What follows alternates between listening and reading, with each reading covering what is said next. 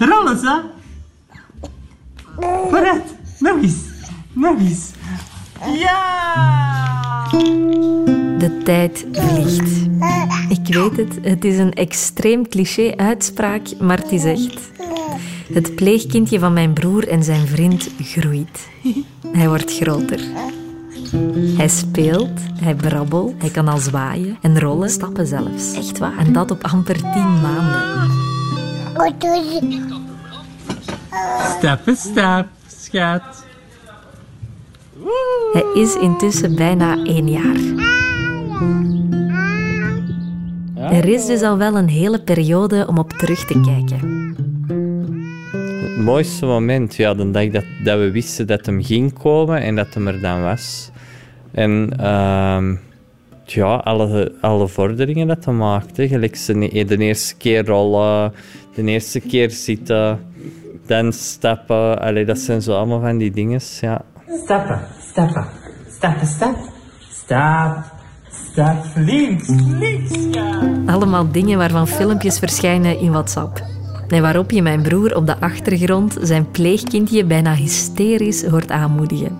Daar moeten we altijd mee lachen. Het, het rollen was volgens mij een van de hoogtepunten. Dat was het hoogtepunt. Rol eens, hè. Ja! Oh my god.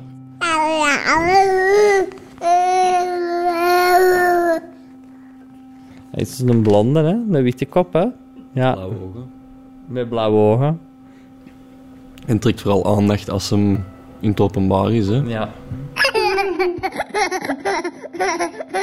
En intussen blijft hij harten stelen. Van mijn broer, mijn schoonbroer, van mij, van de rest van de familie, van zijn broers en zussen, die in andere pleeggezinnen zijn ondergebracht, van collega's, van vrienden, van iedereen die hij tegenkomt.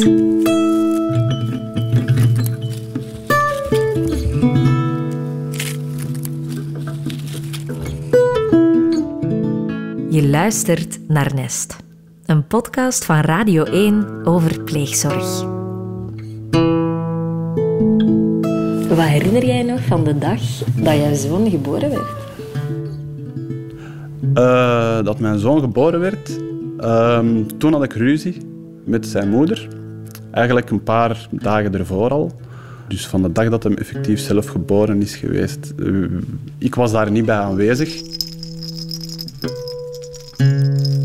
Je hoort hier Ilias. Hij is de vader van een zoon van bijna 14 die geboren werd in de kerstperiode. Ik leer Ilias kennen als iemand met een eeuwig positieve ingesteldheid. Dus de dag van kerst zelf heeft de moeder mij gecontacteerd om te zeggen: Kom nu zoon maar bezoeken. Ik zat toen nog vol met ja, woede. Ik was heel kwaad eigenlijk, omdat zij bepaalde zaken had gedaan en dingen had gezegd dat, dat niet oké zijn. Dus ik was eigenlijk van plan om ja, daar een beetje de boel op stilte te zetten in het ziekenhuis. Totdat ik de kamer binnenkwam en mijn zoon zag. En dan heb ik gewoon eigenlijk alles opzij gezet. En dan word je heel stil. word je heel stil en dan beseft je pas van... Oké, deze is wat dat wij hebben gemaakt. Sommige ouders zeggen van dat ze schrik hebben. Dat dat zoiets klein is en fragiel. Terwijl ik zoiets had van, ja, dat leeft. Dat is geen probleem. Dat was direct op mijn arm pakken. Zo zou de geboorte van het pleegkindje van mijn broer gegaan kunnen zijn. Een vader die binnenkomt en zijn zoon op zijn arm pakt. Ik heb geen idee of dat bij hem het geval was. Ik weet niet hoe zijn eerste dagen zijn geweest. En mijn broer die weet dat ook niet. Pas na drie lange dagen mochten ze de baby zien. Hij werd met een maxicosi aan de deur afgezet. Mijn broer weet weinig over de bevalling. En wat hij weet mag hij niet vertellen. Het is een soort van beroepsgeheim, maar dan voor pleegzorgers. We weten wel dat er nog heel wat broers en zussen zijn. Die zitten verspreid over twee andere pleeggezinnen en ze zien elkaar elke schoolvakantie. En de ouders, die wonen hier. Aan zee. Ze hebben bezoekrecht en mogen hun zoon elke twee maanden zien. Dat is tot nu toe één keer gelukt. Maar wat wil dat eigenlijk zeggen? Bezoekrecht. Hoe vaak zullen ze elkaar zien? Zal hij soms bij hen mogen slapen? En hoe lang dan? Kan de baby plots weggehaald worden bij mijn Zomaar, broer? opeens. En wat dan? In deze aflevering ga ik dieper in op het gedeelde ouderschap.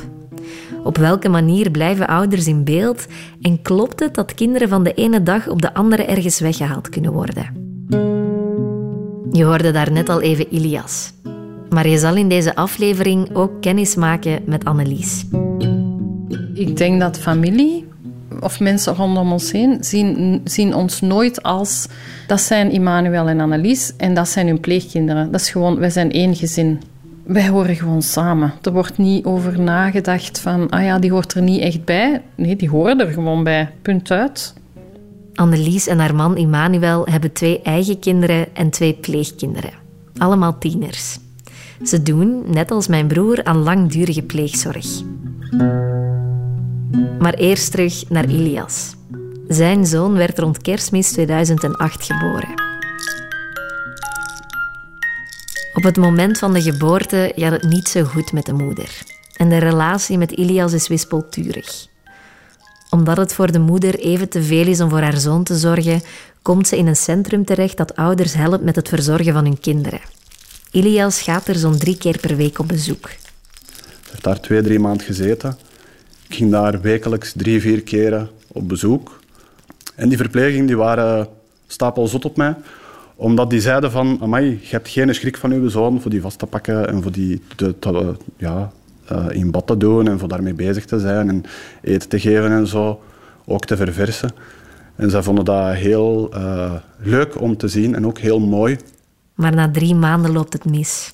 Volgens de verpleging en dokter uh, heeft zij agressief gereageerd naar het verplegend personeel toe. Uh, ze hebben ook gezegd van, je bent een gevaar voor je kind. En ook Ilias mocht niet meer bij zijn zoon. Hij vertelt mij dat dat komt omdat hij bij de geboorte niet officieel werd geregistreerd als vader. Ik belde haar daar na het werk om te zeggen van, uh, ja, ik kom af. Kan ik even met de moeder praten? En zeiden mij toen, ah ja, dat gaat niet. Ik zeg van, dat gaat niet. Ik zeg, ja, wat is er gebeurd? Uh, dat kunnen wij niet zeggen. Dan heb ik gesproken met de directrice en dan heeft zij mij eigenlijk uitgelegd van, allee, van ja, officieel bestaat jij niet. Als vader zijnde bestaat jij niet. Vandaar dat wij voor uw zoon eigenlijk te beschermen daartegen, kunnen wij u niet zeggen waar dat hij is of waar dat zij is.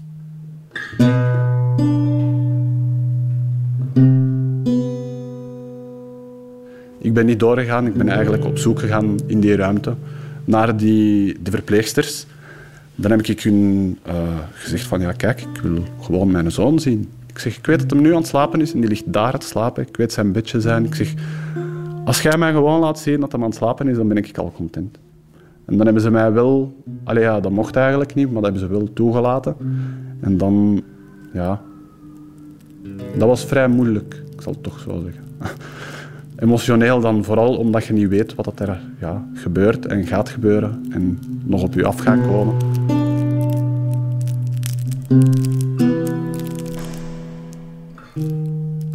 Via de jeugdrechtbank werd de zoon van Ilias aangemeld voor pleegzorg. Hoe zoiets precies in zijn werk gaat, waarom kinderen ergens weg moeten en hoe daarover beslist wordt, hoor je in de volgende aflevering.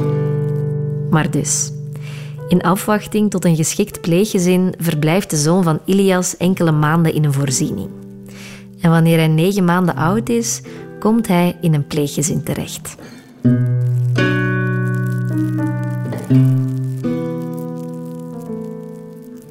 Afscheid? Nee, dat heb ik eigenlijk niet gedaan. Omdat ik wist van dat dat mijn zoon was, dus dat ik ervoor ging blijven vechten. Ongeacht of dat ze mij nu gingen tegenwerken of niet.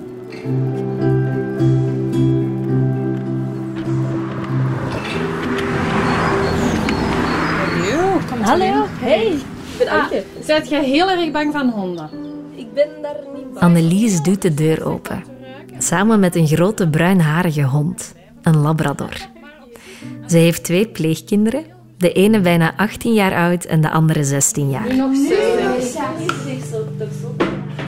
Haar 16-jarige pleegdochter is net het terrarium van haar wandelende takken aan het verschonen. Ik had er eerst hoeveel? 23, denk ik. Maar dat is echt een tak. Ja. Annelies en ik zetten ons een beetje verder aan de keukentafel. Ze vertelt me in geuren en kleuren over hoe de afgelopen jaren voor haar geweest zijn. Ze herinnert zich de aankondiging van haar eerste pleegkindje nog alsof het gisteren was. Ehm, hij was juist geboren op die maandag. En hij had toen nog geen naam. Een paar dagen later, dus de woensdag, zouden we kennis gaan maken met zijn mama. En toen belde ze, ja, het gaat voorlopig niet door, want misschien dat er een onkel op hem gaat, uh, hem gaat opnemen. En dan op donderdagavond om zes uur belden ze, het gaat toch door, lieve morgen, uh, hem te komen halen in het ziekenhuis.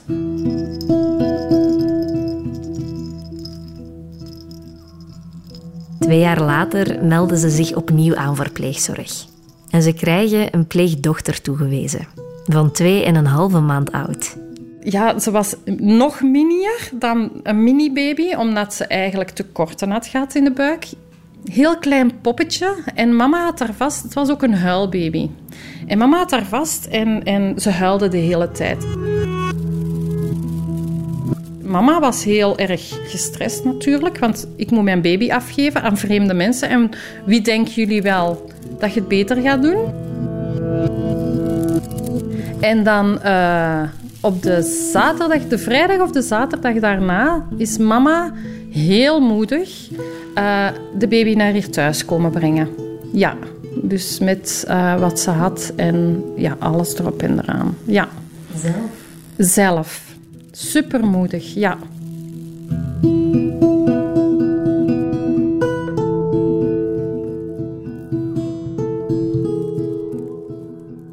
Nu, ik, ik denk dat het voor ouders soms wel een beetje bedreigend aanvoelt als ze horen van uw kind gaat naar een pleeggezin. Uh, dat voel ik soms wel bij ouders, dat voor hen uh, een pleeggezin toch iets anders is dan een, een. Hier hoor je jeugdrechter Inge Klaas. Als kinderen niet vrijwillig, maar via de jeugdrechtbank geplaatst moeten worden, dan is zij een van de mensen die bekijkt wat er met hen zal gebeuren. Gaan ze naar een pleeggezin of een leefgroep? En hoeveel keer per week, maand of jaar zullen ze hun ouders ontmoeten? Ik denk dat de, het gevoel van concurrentie met pleegouders groter is dan het gevoel van concurrentie met leefgroepbegeleiders. Hè. Um, en ook de bezoekmogelijkheden liggen wel wat anders. Hè. Als een kind in een begeleidingstehuis verblijft en het gaat in het biologische gezin best wel oké en het is er veilig genoeg om weekendbezoeken te doen bijvoorbeeld, dan kunnen die kinderen vaak heel regelmatig een weekendje thuis gaan verblijven. Terwijl kinderen die in een pleeggezin opgroeien, daar moeten we ook wel bewaken dat er voldoende quality time is in het pleeggezin om die kinderen daar echt de kans te geven om ja, dat als een thuis te ervaren. En dan is het soms voor ouders wel wat moeilijker om, om te aanvaarden dat ze niet elk weekend naar huis kunnen gaan. Hè. Um, de realiteit is natuurlijk ook wel vaak zo dat kinderen, als ze in een pleeggezin terechtkomen, in een feitelijk betere situatie terechtkomen, waar er misschien meer mogelijkheden zijn om hobby's te ontplooien, om op vakantie te gaan. Dat zijn dan kansen die ze misschien niet zouden krijgen als ze in een biologisch gezin zouden moeten opgroeien. Maar ik hoop altijd dat ouders het pleeggezin niet als concurrenten gaan zien.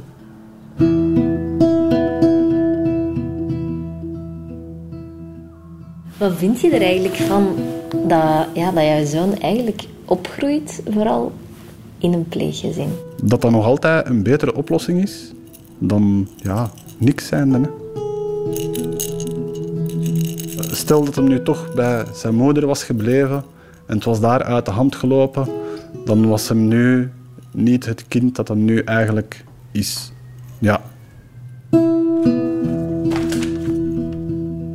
Ik denk dat wanneer ouders aanvaarden dat het kind in een pleeggezin woont en, en dat zij vooral proberen te investeren in goede bezoekmomenten, ook al zijn die niet frequent of, of niet zo frequent als ze zelf graag willen. Als ze dat kunnen, aanvaarden van het is oké dat mijn kind daar opgroeit, dan zien we ook echt wel hele mooie relaties tussen kinderen en hun biologische ouders.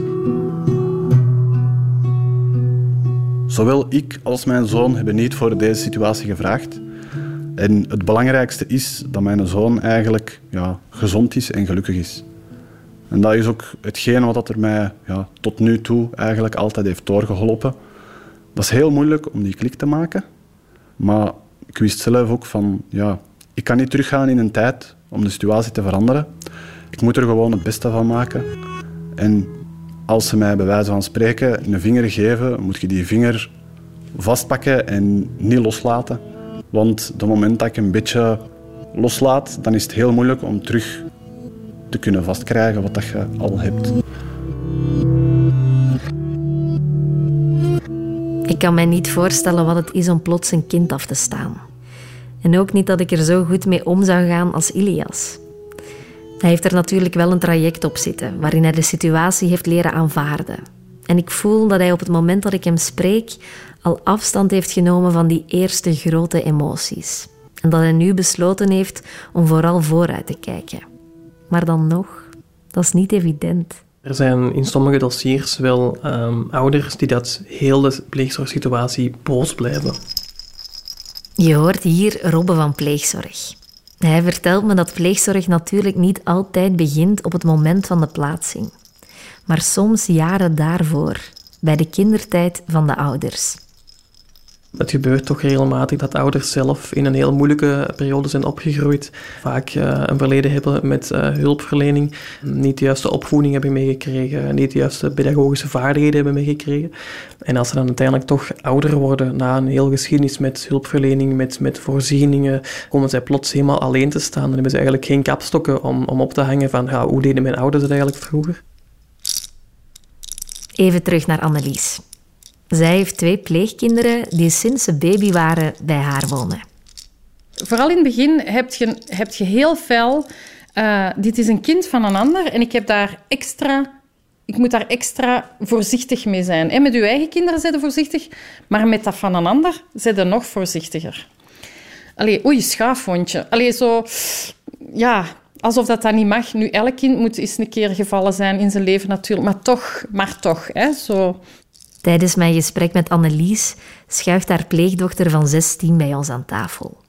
Ze draagt een bril en heeft glinsterende ogen. Ze ziet er rustig uit, chill, zoals een tiener moet zijn op een vakantiedag. Ik ben hier al vanaf mijn drie maanden. Ja, tweeënhalve maand. Tweeënhalve maand, want ik moest tweeënhalve maand in de couveuse liggen. Ik was een drugsbaby. Dus ja, maar ik ben er wel bovenop gekomen gelukkig. Ja, ik, ik voel me eigenlijk heel goed, want ik... Dit, want hier voel ik mij meer op mijn gemak dan bij mijn echte familie eigenlijk. Om, omdat ik hier eigenlijk altijd ben.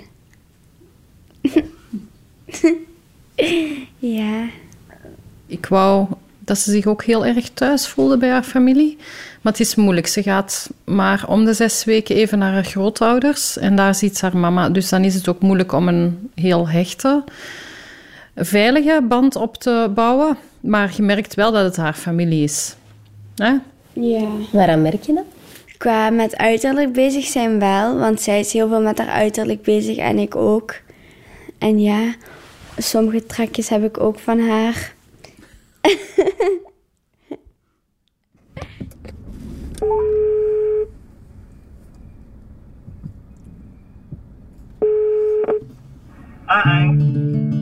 Je hoort hier een stukje van een telefoongesprek met mijn broer. Binnenkort is er een afspraak gepland met de ouders van hun pleegkindje. Ja, ik hoop wel dat ze komen. Dan, uh, ja, maar... Ik ben zo benieuwd om die nog eens terug te zien, die ouders. Allee, amai, spannend. Het is ook echt spannend. Want alles lijkt erop dat het bezoek zal doorgaan. Gaat je die dat morgen zeggen of heb, je het hem al gezegd? Nee, ik ga dat pas in de live zeggen. Ja, want dat is dan niet iets, als die er dan niet zijn, dan heb ik ook problemen. Hè? Geen valse hoop. Nee. Maar dat is wel een kei spannend moment, toch?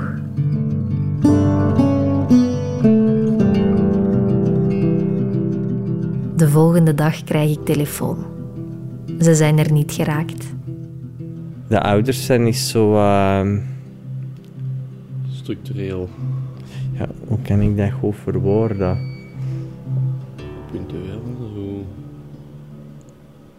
De ouders komen niet op elk bezoek opdagen, dus uh, ja, dat is heel moeilijk.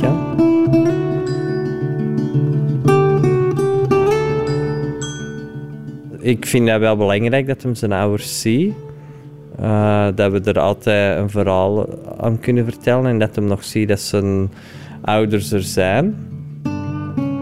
Mijn broer zag de ouders van zijn pleegkindje al één keer.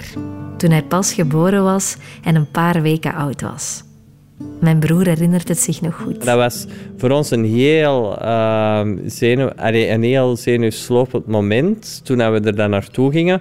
Maar toen we er dan eigenlijk waren, dan waren die ouders heel vriendelijk tegen ons. En was dat eigenlijk, uh, ja, waren wij eigenlijk direct op ons gemak gesteld. Hadden jullie het gevoel dat je zo hun kind had afgepakt? Ja, dat gevoel hadden wij, maar toen je daarbij bij was, dan hadden dat gevoel niet meer. Omdat die dat helemaal niet zo bezagen.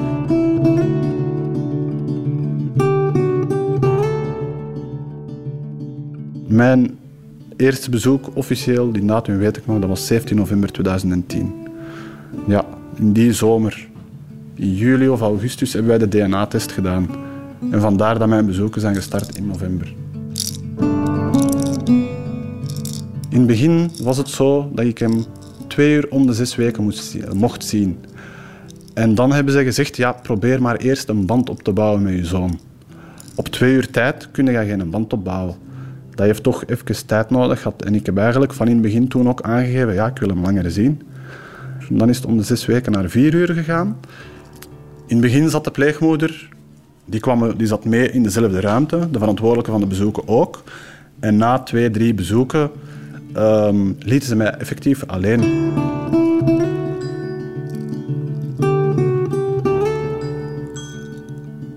De bezoeken met de ouders zijn belangrijk in pleegzorg. Het is belangrijk dat een kind weet waar het vandaan komt. Dat sommige vragen beantwoord kunnen worden. Ontbrekende stukjes ingevuld. Een zwart-wit tekening ingekleurd. En de ouders die willen hetzelfde kunnen doen. Tussen de pleegdochter van Annelies en haar vader zijn er al een aantal jaren geen bezoeken meer. Maar ze herinnert zich nog wel de momenten dat ze samen waren. Wat kan je je daar nog van herinneren? Wil je dat vertellen? Ja, dat ik dat altijd heel fijn vond om daar naartoe te gaan. Maar het gezicht van papa herinner ik mij niet meer zo goed. Alleen als ik naar foto's kijk, dan wel. Dan weet ik wel van ja, dat is mijn papa. Ja. En ik heb die nu al acht, negen jaar niet meer gezien. Niks meer van gehoord. Twaalf, twaalf jaar zelfs al. Ik vind dat wel een beetje jammer. Want elke dag vraag ik mij nog af van leeft hij nog? Heeft hij al een nieuw gezin? Is hij al getrouwd? Heeft hij nu andere kinderen? Denkt hij nog aan mij?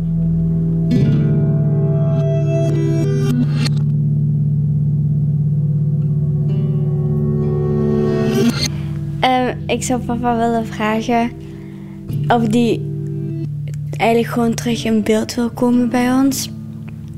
Gewoon niet per se echt contact, zoals wij nu contact hebben, maar zo gewoon, ja, gewoon brieven schrijven, bijvoorbeeld al naar elkaar, zou ik al goed vinden. En dan zou ik gewoon zeggen dat ik hem vergeef voor wat hij heeft gedaan. En dat ik gewoon nog altijd heel veel van die hou. En, en, en dat ik nog altijd aan die denk. En dat ik die gewoon nog altijd heel graag wil zien. De pleegdochter van Annelies gaat elke zes weken een dag naar haar grootouders. Op die dag kan haar mama ook op bezoek komen. Nu, die bezoekregeling is al alle kanten op gegaan. Hè. Dus um, in het begin dan kwamen de ouders hier, denk ik. Uh, dan is er ook een tijd geweest dat wij uh, haar naar de ouders deden. Dan is er een tijd geweest dat ze een weekend naar de mama ging. Dan is er een tijd geweest dat ze een dag naar mama ging. Een weekend naar oma en Bompa. En nu op dit moment is het deze regeling. Dus het wisselt wel wat naar vanand uh, de schommelingen in het leven. Mama die uh, kwam eerst niet zoveel. Mama uh, verzende vaak smoesjes en zo om niet te hoeven komen. En dan zijn we nog eens naar de rechtbank geweest voor zo'n jaarlijkse... Om de drie jaar? Ja, controle. Om te kijken of jij nog bij ons kan blijven wonen en of er zicht is om terug naar huis te gaan. Ja, en toen werd er ook iets gezegd dat uh, mama niet altijd kwam en zo.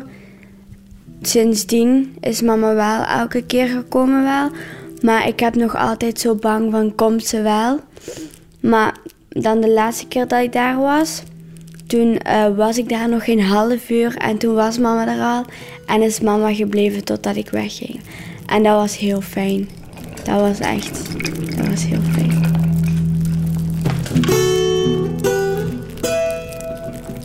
Dat zien we jammer genoeg ook wel af en toe, dat uh, het voor ouders niet lukt om zich aan die afspraken te houden. Hè. Inge Klaas krijgt best vaak te maken met ouders die niet op hun bezoek raken. Ze hebben uiteraard hun redenen. Soms hebben ze gewoon al te veel zorgen of is een bezoek te confronterend. Dat is voor pleeggezinnen niet leuk, maar vooral ook voor die kinderen niet. Hè? Want die worden voorbereid op... Hè, je gaat morgen of overmorgen mama nog eens zien bij pleegzorg. Als mama dan niet komt opdagen en ook niet laat weten waarom ze niet komt opdagen, is dat toch wel een grote ontgoocheling telkens voor zo'n kind. Ze zijn dan vaak vragende partij om een maandelijks bezoekmoment te hebben, maar als het hen niet lukt om dat na te leven, dan moet je soms zeggen, dan gaan we er een twee maandelijks bezoek van maken. Want we gaan jouw kind niet telkens hè, een wortel voor de neus hangen van mama komt. Als je er dan niet bent, dan is het misschien beter van te zeggen twee maandelijks. En dan ben je er wel telkens dan elke maand en twee van de drie keer kom je niet opdagen. Het is voor ouders um, in bezoek met hun kind heel vaak heel confronterend om te zien hoe hard dat ze uiteindelijk vervreemd zijn van elkaar.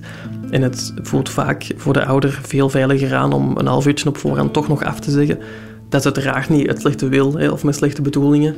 Uh, wij zien de ouders ook heel vaak in een overlevingsmodus zitten, dat heel, heel veel stress met zich meebrengt. En om dan nog de kracht te hebben of juist in je schoenen te staan, om toch nog die bus van een uur te pakken om een half uurtje bij je kind te zijn, um, dat is een heel grote stap voor ouders.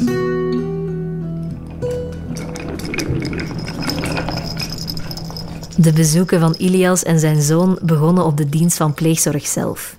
Daarna ging hij met zijn zoon naar een speeltuin om de hoek van zijn pleegzorgers. En sinds een paar jaar is hun afspreekplaats steeds dezelfde: de parking van een fastfoodketen. Daar spreken we eigenlijk af in weer en wind. Maakt niet uit. Sneeuw, regen, zon, maakt niet uit. We spreken daar af.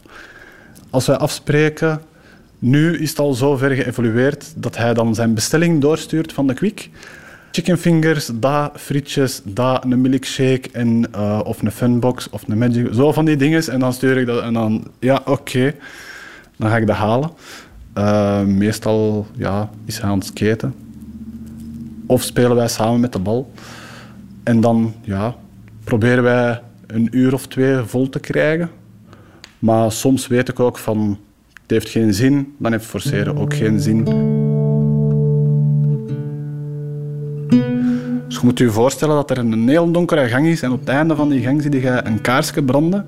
En het duurde zes weken voordat je aan dat kaarsje zei. Allee, dat was hoe dat ik het ervaarde, want dat kaarsje dat was dan mijn zoon. Dat was mij hetgeen wat dat mij ja, energie gaf en, en mijn uitkijkpunt. In de gesprekken die ik voor deze podcast had met pleegzorgers, hoorde ik heel veel verschillende ervaringen over de bezoeken met ouders. Ik merkte vooral veel liefde en begrip, maar wat ook vaak terugkwam, was het gevoel dat een baby of kind na zo'n bezoek vaak gestrest weer thuis kwam. Je zou je kunnen afvragen in hoeverre het dan goed is dat zoiets doorgaat en hoe je zoiets kan voorkomen. Maar moet je zoiets wel voorkomen? Het is natuurlijk ook wel zo dat kinderen, wanneer ze in een pleeggezin terechtkomen, in een heel andere omgeving terechtkomen dan de omgeving die ze thuis gewoon waren. Het, het, is soms wel een beetje een contrast tussen het leven in hun biologisch gezin en het leven in het pleeggezin. En dan zien we dat soms dat inderdaad uh, bezoeken, hoe goed bedoeld ook, hè, een grote impact kunnen hebben op die kinderen. Um, en dan ligt dat niet altijd aan het feit dat ouders iets fout doen tijdens die weekendbezoeken. Maar gewoon omdat ja, de bezoekers bezorgen kinderen soms stress. Hè? Stress om het goed te willen doen voor mama en papa. Hè? Om, om mama en papa te willen plezieren. En dan zien we vaak inderdaad, eh, of vaak of regelmatig, dat kinderen tijd nodig hebben om na zo'n bezoek terug in hun normale plooi in het pleeggezin te vallen. Wanneer we echt zien dat dat op uh, het gedrag van kinderen en op hun, hun, functioneren, bijvoorbeeld op school of op hun welbevinden, echt een, een, een impact heeft, ja, dan moeten we soms als jeugdrechter beslissen om bezoekregelingen aan ouders terug te schroeven.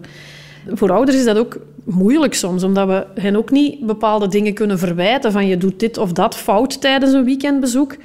Maar het is gewoon dan een realiteit dat voor een kind die bezoeken te moeilijk zijn. de draagkracht van wat een kind aan kan, is zeker ook iets wat meespeelt in het nemen van beslissingen. Het terugschroeven van een bezoek wordt niet beslist na één slecht of wankel bezoek. Voor een jeugdrechter is het elke keer opnieuw afwegen. Het is tenslotte voor de ouders ook moeilijk. Ook zij moeten na een bezoek weer tot rust komen en al die grote emoties verwerken. Voor pleegouders is dat vaak wel moeilijk. Um, allee, die zit die dan één uur per maand en dan nog verwacht hij dan dat wij dat en dat en dat doen. Hoe dat je het ook draait of keert, wat dat je ook doet, een ouder heeft altijd een prominente rol in het leven van een kind. Um, ik vind het vaak een heel fijn moment en ik denk dat dat ook heel mooi is als een pleegkind om te zien, is na een bezoek of activiteit als pleegouders en ouders nog even op de parking of zo staan te keuvel met elkaar en babbel te slaan. Als je dat als pleegkind kunt zien, dan denk ik dat dat heel ontwapend moet zijn en ook naar de loyaliteitsconflicten een heel grote verademing kan zijn van oh, oké, ik mag hier wel zijn. Hè. Ik, ik, mag, ik mag mij gelukkig voelen in mijn pleeggezin. Ook al weet ik dat dat misschien pijn doet bij mijn mama, maar ik zie nu dat mijn mama een babbel is met mijn pleegvader. Um, en dat dat wel oké is. Dat is het ideaalbeeld. Iets waar ouders en pleegzorgers naar streven. Maar dat is natuurlijk niet altijd even gemakkelijk. Uw waarden en normen als pleegouders zijn vaak anders dan de waarden en normen van de ouders. Die hebben hun eigen rugzak, hun eigen achtergrond. Jij hebt als pleegouder je eigen rugzak en achtergrond. Wat ervoor zorgt dat er soms wel wat spanningen kunnen ontstaan. Dat is niet altijd gemakkelijk. Wij merken dat ook als begeleider, um, dat pleegouders toch regelmatig moeten ventileren, ook over de ouders. Nu, ik zou dat ook doen. Dat is echt niet zo evident om continu die samenwerking aan te gaan, omdat er juist zoveel verschillen zijn. Maar hoe moeilijk het ook is, bij de pleegzorgers die ik gesproken heb, hoor ik vooral heel veel begrip.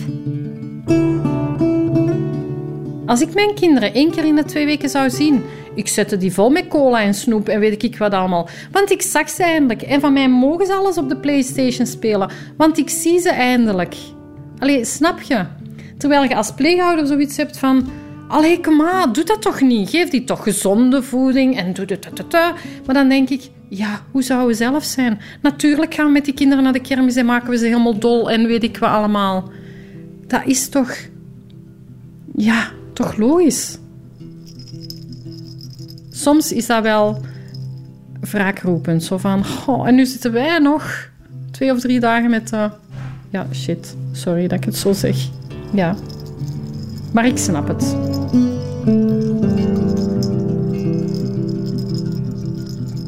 Zie hem dan maar om de zoveel tijd. Andere ouders die hebben hun kinderen constant bij hun. Mijn zoon die weet van, ah ja, ik zie papa, krijgt zijn volle aandacht. Hij apprecieert dat wel. Ik apprecieer dat natuurlijk ook. Ik geniet daar ook van. Hij zegt ook dat ik van hem een voetballer heb gemaakt. En in het begin had ik het daar heel moeilijk mee, omdat ik zei van, ja, maar ik zie u maar. Want toen was het nog om de zes weken. En dan zei ik ook van, hoe kan ik van, dan aan u, allez, van u een voetballer maken? Je bent meer thuis bij het pleeggezin dan bij mij. En dan zegt hij, ja, omdat jij... Jij hebt mij leren trappen met links, met zijn, linkervoet, met zijn linkervoet, terwijl dat zijn slechte voet is. En dan was dat effectief voor mij ook zo van, oké, ik kan hem dingen leren, terwijl dat, dat... Voor mij gaat dat zoiets zijn van, ja, ik geef hem eigenlijk gewoon iets mee. En hij doet ermee wat hij zelf wil, natuurlijk. Hè.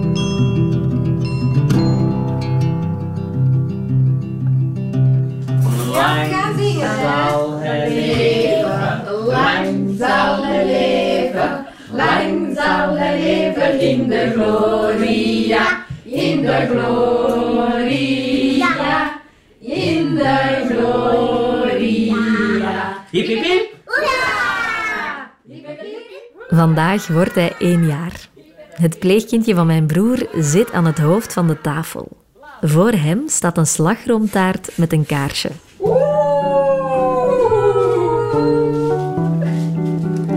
Blazen. Hij draagt een kroon en een grote bavet om de stukken taart straks op te vangen. We hebben die nu een jaar. Ehm, eh, ja, dat is gevlogen, hè. Ja. Ik vond dat leven al na je 18, 20 jaar al vooruit gaan, maar vanaf dat je een kleine hebt, gaat het echt nog eens eens vooruit. Nu eten. Ja, ik kan nu al, eh, al even stappen. Hij begint nu van alles te testen en zo wat brabbelen en zo. Dus eh, heel veel boeken lezen. Dat doet hem heel graag. Klopt. En daar zit ik misschien wel voor iets tussen. Want behalve tante Ank noemen ze mij ook wel eens tante Boek. Heb jij mijn hoed gezien? Nee, waarom vraag je me zoiets raars? Ik heb hem niet gezien. Jammer, maar toch bedankt. Het is zot hoe snel alles gaat. En hoe goed het eigenlijk loopt. Ik had voordien misschien best wel wat vooroordelen over pleegzorg. Dat het allemaal wel wat moeilijker zou lopen dan bij een eigen kind. En dat het zwaar zou zijn. Dat het niet vanzelfsprekend is. Maar eigenlijk gaat alles heel gemakkelijk. Een sociaal kind. En ja, je probeert dat met zo weinig mogelijk zorgen op te voeden. Hè. Dus ik denk dat die een... Ja, en als we anderen mogen geloven, is het wel een heel blij kind. Hè? Dat is zo. En altijd goed gegeten, goed doorgeslapen. Heel goed gegeten. Heel goed gegeten. Inderdaad. Zijn twee voornaamste passies zijn zonder twijfel boeken en eten. fruitje eten, schat. Ja. Nam, nam. Ga je met tante Ank fruitje eten?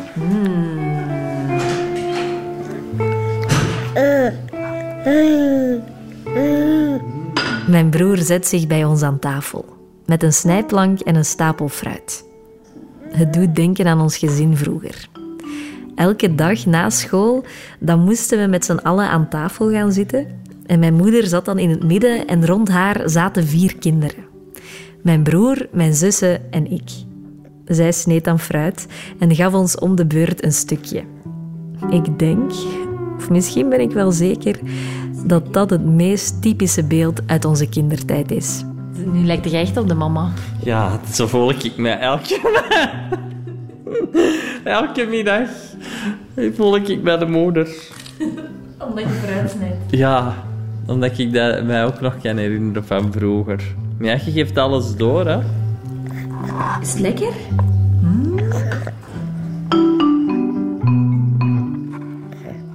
Dat is zo. We geven allemaal van alles door.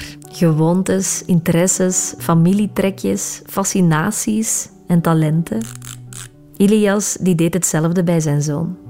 Hij maakte van hem een voetballer, zonder hem elke dag te zien. Maar het is toch echt niet te onderschatten hoe moeilijk dat is. Een band opbouwen op twee uur per week, per maand of per jaar soms. Dat is moeilijk, zowel voor de ouders als voor de kinderen. Op een bepaald moment stelde de zoon van Ilias zich dan ook vragen bij zijn thuissituatie. Heeft mijzelf ooit eens de vraag gesteld hoe dat hem eigenlijk zijn situatie moest uitleggen aan zijn vriendjes. Ik heb het dan heel simpel gemaakt. En ik zei, want ik denk dat hij toen vijf of zes jaar was, toen dat hem daarmee afkwam. Dan heb ik hem gewoon gezegd van, kijk, zij zijn uw zorgouders en ik ben uw speelpapa. En die zo, ah ja, ik zeg, het klopt toch? Want ik zeg, zij verzorgen u. Zij, zij steken u in bed, zij geven u eten, drinken, zij brengen u naar de scouts, naar de voetbal. Al uw jeugd, allee, eigenlijk al uw, al uw activiteiten, zij zorgen voor u. Jij bent ziek, zij brengen u naar de dokter. Hij zo, ah ja. Ik zeg, en mij ziet je effectief maar twee uur of iets langer. En wat doen wij dan? We zijn aan het spelen. En dat heeft hij eigenlijk... Allee, dat was, voor hem was die uitleg voldoende. En zo heeft hij dat ook kunnen uitleggen naar zijn ja, vriendjes toe. Pleegouders staan in voor de dagdagelijkse zorgen en kleine beslissingen. Ouders staan in voor grote beslissingen. Bijvoorbeeld, een heel concreet voorbeeld is het scholennetwerk. Daarin hebben ouders de keuze. Is dat katholiek, is dat eh, stedelijk onderwijs? Ehm, dan nog is dat uiteraard in samenspraak. Hè. Er wordt altijd een compromis gevonden. Ehm, ouderlijk gezag wil ook zeggen dat ouders in principe een beetje het recht hebben van het kapsel. Hè? Hoe, hoe- dat daar is veel te lang. Ik zou graag hebben dat mijn kind naar de kapper gaat. In praktijk is het natuurlijk helemaal anders. Als een ouder zegt, ik wil dat mijn, mijn, mijn, mijn, achtjarige jongen eh, kaal wordt, bij dan spreken, ja, gaan we een gesprek aan. Ja, waarom wil dat hij kaal wordt? Eh, hoe denken pleegouders daarover? En wordt er een compromis gesloten, een broske opgelost? Als je, als je blijft kijken naar compromissen, als je blijft kijken naar kleine momenten dat ouders toch gratuit kunnen betrokken worden, is een, geeft een heel veilig gevoel over ouders. Keuze over bijvoorbeeld het haar van, van pleegkind. Heel vaak is dat voor ouders nog, nog een van de laatste strohalmen om een soort nog, nog ja, effect te hebben op je kind of zo. Van, hé, maar ik beslis wel hoe dat eruit ziet.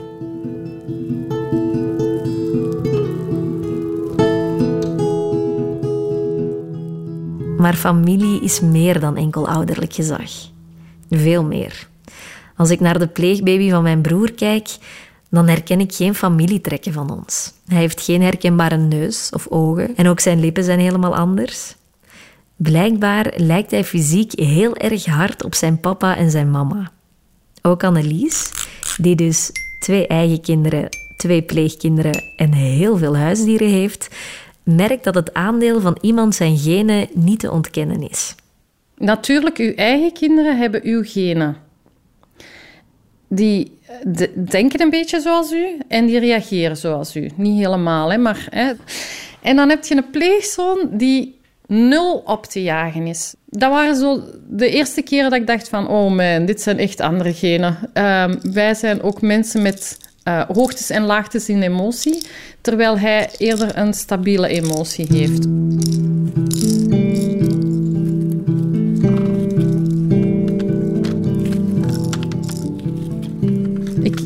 Soms omschrijf ik het, we zijn een appelboom en er hangt een appelsien en een peer aan. En dat is oké, het is allemaal fruit. Ja. Momenteel wonen er van de vier kinderen nog twee thuis. Haar oudste zoon is acht jaar geleden overleden en de tweede oudste is in juli getrouwd. Maar ze blijven allemaal deel van de fruitboom. Ze voelen alle drie als mijn echte broers en nog altijd, ook de oudste, dat is nog altijd mijn broer. En dat blijft ook gewoon zo.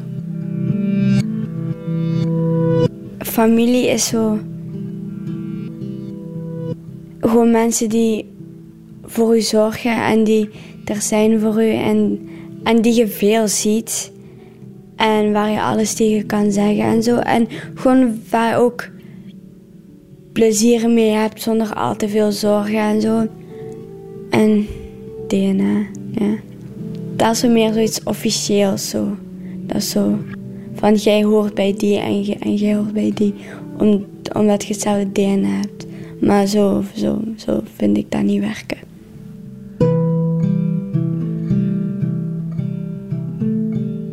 Als ik hem zie, zie ik eigenlijk naar mijn eigen zoveel jaren geleden. En dat is effectief zo. Die is, ja, al van kleins af aan tot nu is dat eigenlijk twee druppels water ik. Ook qua karakter. Allee, ik heb er dan een voetballer van gemaakt, qua uiterlijk. Maar ook muziek, films. Wat dat ik eigenlijk heel raar vond, want ik heb die nooit bij mij thuis gehad. Dus die heeft eigenlijk nooit ja, papa gekend. Papa zet zijn lievelingsfilm op of zet muziek op dat hem graag hoort. Allee, het is eigenlijk een beetje raar hoe dat... dat allee, ze zeggen dat toch, dat de kinderen op de ouders lijken. Ik dacht dat dat altijd te maken had met... Omdat als ouder heb je kind altijd bij u in een normale situatie. En bij mij is dat nooit het geval geweest, maar hij kopieert mij. Is dat dan onbewust of onrechtstreeks? Ja. Dat is heel leuk, maar ook soms confronterend om te zien. Ook de pleegzoon van Annelies heeft superveel gemeen met zijn biologische familie. Daar kwamen ze een aantal jaren geleden achter. Toen hij drie jaar was, is zijn mama overleden tijdens een fietsongeval. Op de begrafenis kwam Annelies er plots achter dat haar pleegzoon enorm veel tantes en onkels heeft. Sindsdien zien ze elkaar vaker en vallen er heel wat puzzelstukjes in elkaar. Onze pleegzoon, als hij jarig is en zijn familie zit hier aan tafel, rond tafel, je ziet hem nog meer groeien. Zo van, wauw. Hij is ook de enige met bruine ogen in huis, hier in huis. Terwijl bij zijn familie zijn het er allemaal natuurlijk. Op een bepaald moment zegt hij, ik denk dat hij negen of tien was, ik wil naar de, naar de Giro. Bij ons zat er niemand in de jeugdbeweging. Ja, die ging naar de Giro en een half jaar later komen erachter dat zijn neven dat ook allemaal doen. Dan had hij zoiets van, ah, dat zit gewoon in mijn DNA, dat is oké. En ik denk, DNA is, is ook belangrijk. Maar het is er. Terwijl familie, daar bouw je een stukje aan.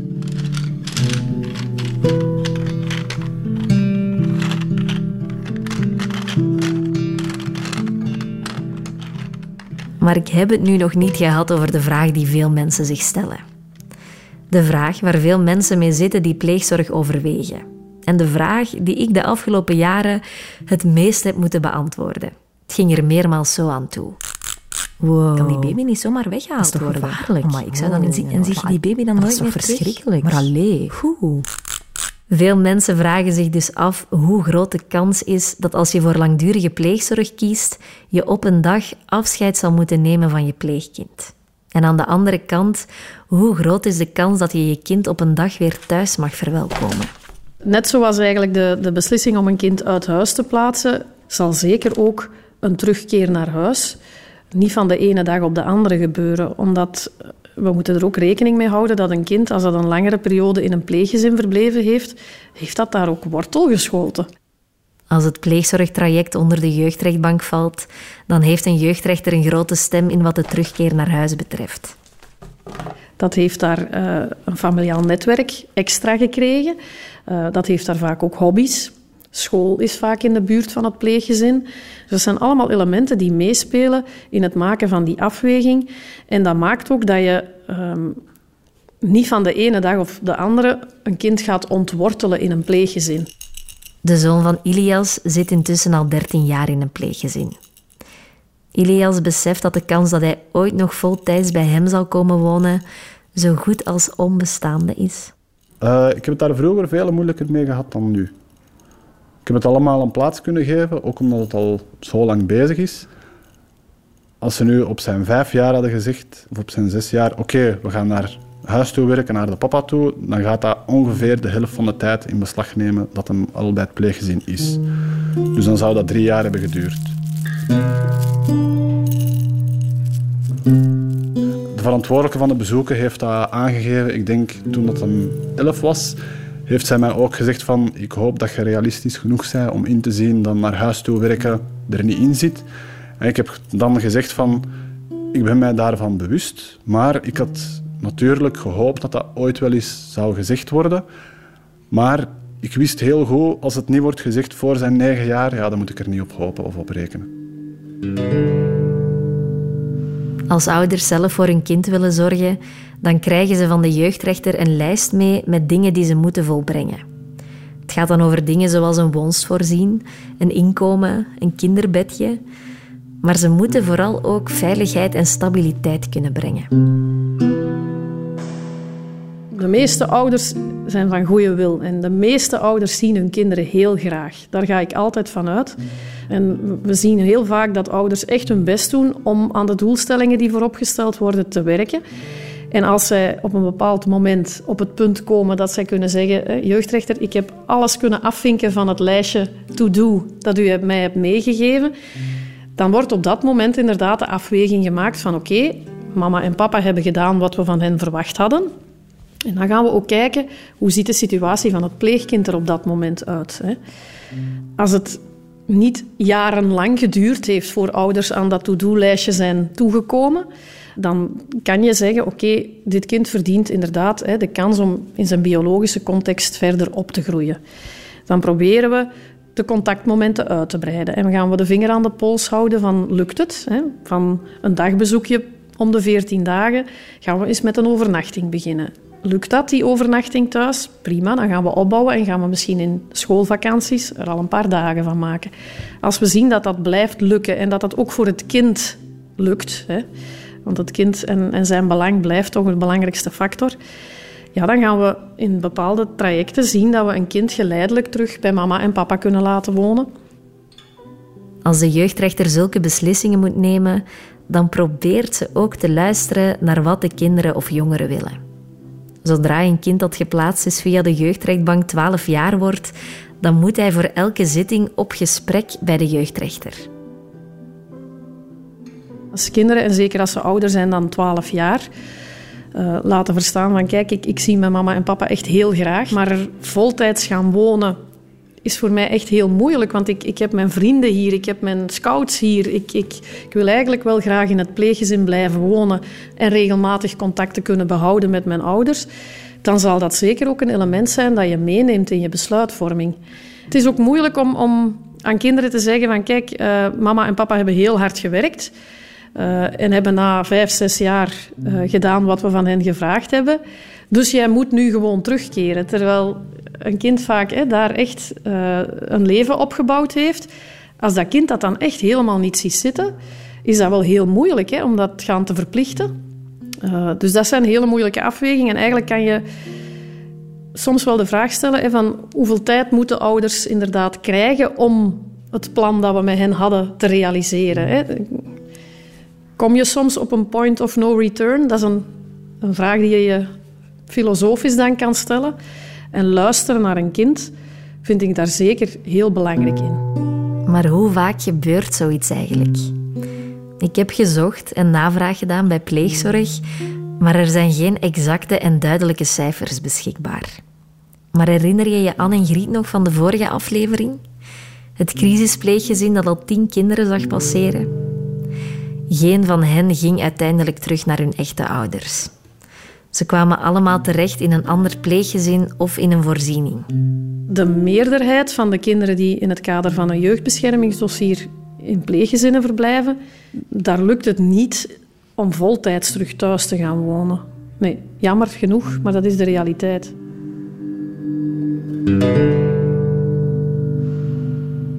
Mijn broer is intussen iets meer dan een jaar pleegzorger.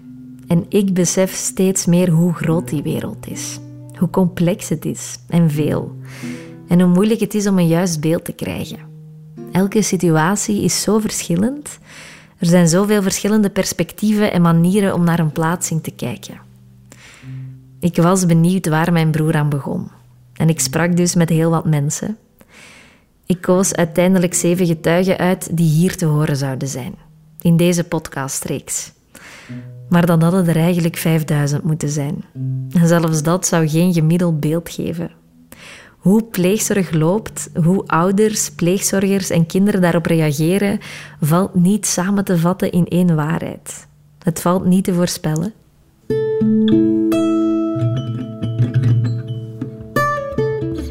En uh, er is veel wat niet te voorspellen valt eigenlijk. Belangrijke telefoons bijvoorbeeld. Want één jaar en drie maanden na de aankomst van het pleegkindje van mijn broer en zijn vriend, bellen ze me met belangrijk nieuws. Hallo? Ah, Ank. Hey? Ah, we moeten iets vertellen. Ja, we hebben dus juist telefoon gekregen van uh, de pleegzorg. En uh, nu zitten we met een dilemma.